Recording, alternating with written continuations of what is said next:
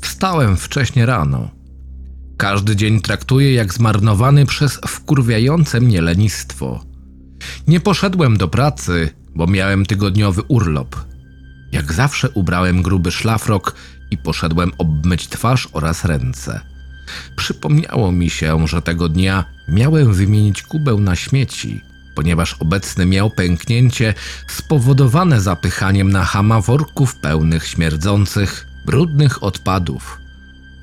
Po otwarciu bramy wjazdowej do mojego domu wróciłem do niego, a następnie zjadłem obfite śniadanie w postaci grzanych sandwichów. Potem ubrałem się, zabrałem torbę na małe zakupy, uszkodzony kubeł i wyjechałem samochodem marki Honda do pobliskiego miasta, jakim był Wyszków. Po zrobieniu zakupów w markecie Lidl, gdzie w promocji sprzedawano produkty w ramach tygodnia włoskiego, udałem się do sklepu budowlanego PSB Mrówka. Tam kupiłem nowy, metalowy kubeł na śmieci w kolorze zielonym.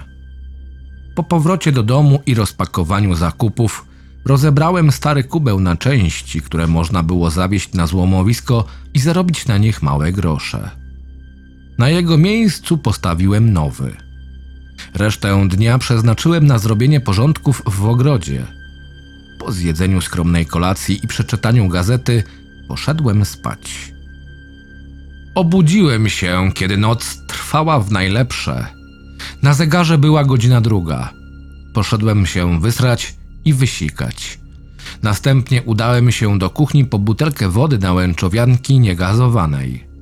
Kiedy skupiałem się na wypiciu kilku łyków płynu życia, jakim była woda, usłyszałem jakby ktoś lub coś przebywało na moim podwórku i poruszało czymś metalowym.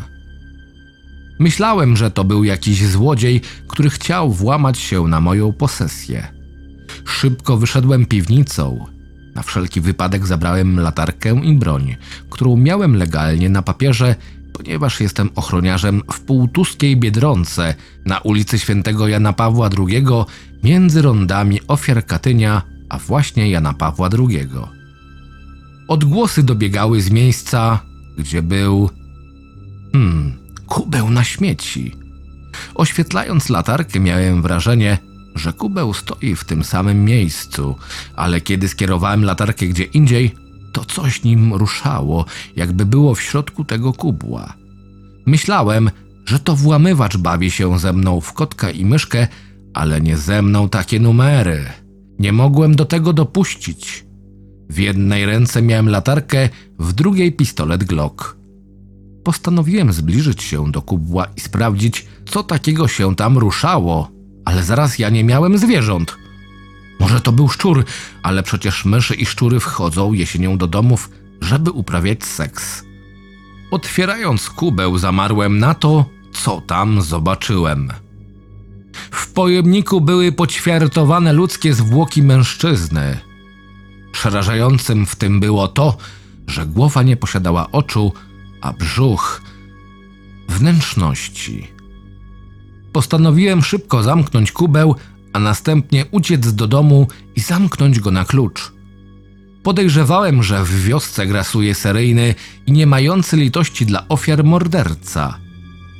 Kiedy próbowałem zasnąć, to coś, co było mężczyzną, poruszało metalowym pojemnikiem. I nagle usłyszałem regularny dźwięk stali. Kiedy zauważyłem to, co tam się działo, przeraziłem się do kości. Kosz skakał jak mały kangur. Nie mogłem tego wytrzymać. Następnego dnia zdecydowałem się pozbyć kubła, który z niewiadomych przyczyn był opętany. Kiedy chciałem go zabrać, poparzył mnie, ale po chwili już taki gorący nie był. Włożyłem go do bagażnika swego samochodu. Podczas jazdy miałem wrażenie, że z tyłu siedzi ten sam mężczyzna, którego zwłoki były poćwiartowane. Oddałem kubeł do marketu budowlanego i wróciłem do domu. Kiedy kładłem się spać, kątem ucha słyszałem dźwięk stali. Postanowiłem zobaczyć z okna, co się tam dzieje. Okazało się, że na podwórze skakał wchodząc ten sam kubeł na śmieci, który oddałem. Zbliżał się do drzwi od tarasu. Po chwili to coś zatrzymało się przy wejściu. Nagle stopniowo z kubła zaczęła wychodzić ludzka głowa tego samego mężczyzny, którego widziałem.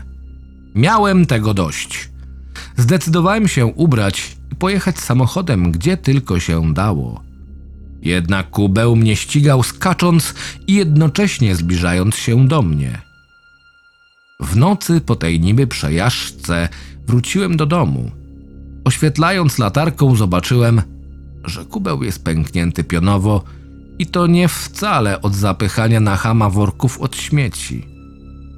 Znowu będzie trzeba go wymienić, ale żeby następny nie zrobił mi stracha tak jak ten. Poszedłem do domu, a tam zobaczyłem, że pojemnik stoi i rusza się przed moimi oczami.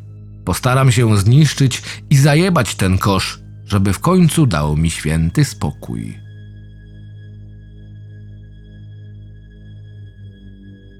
Scenariusz Sebastian Archacki Czytał Krystian Kieś.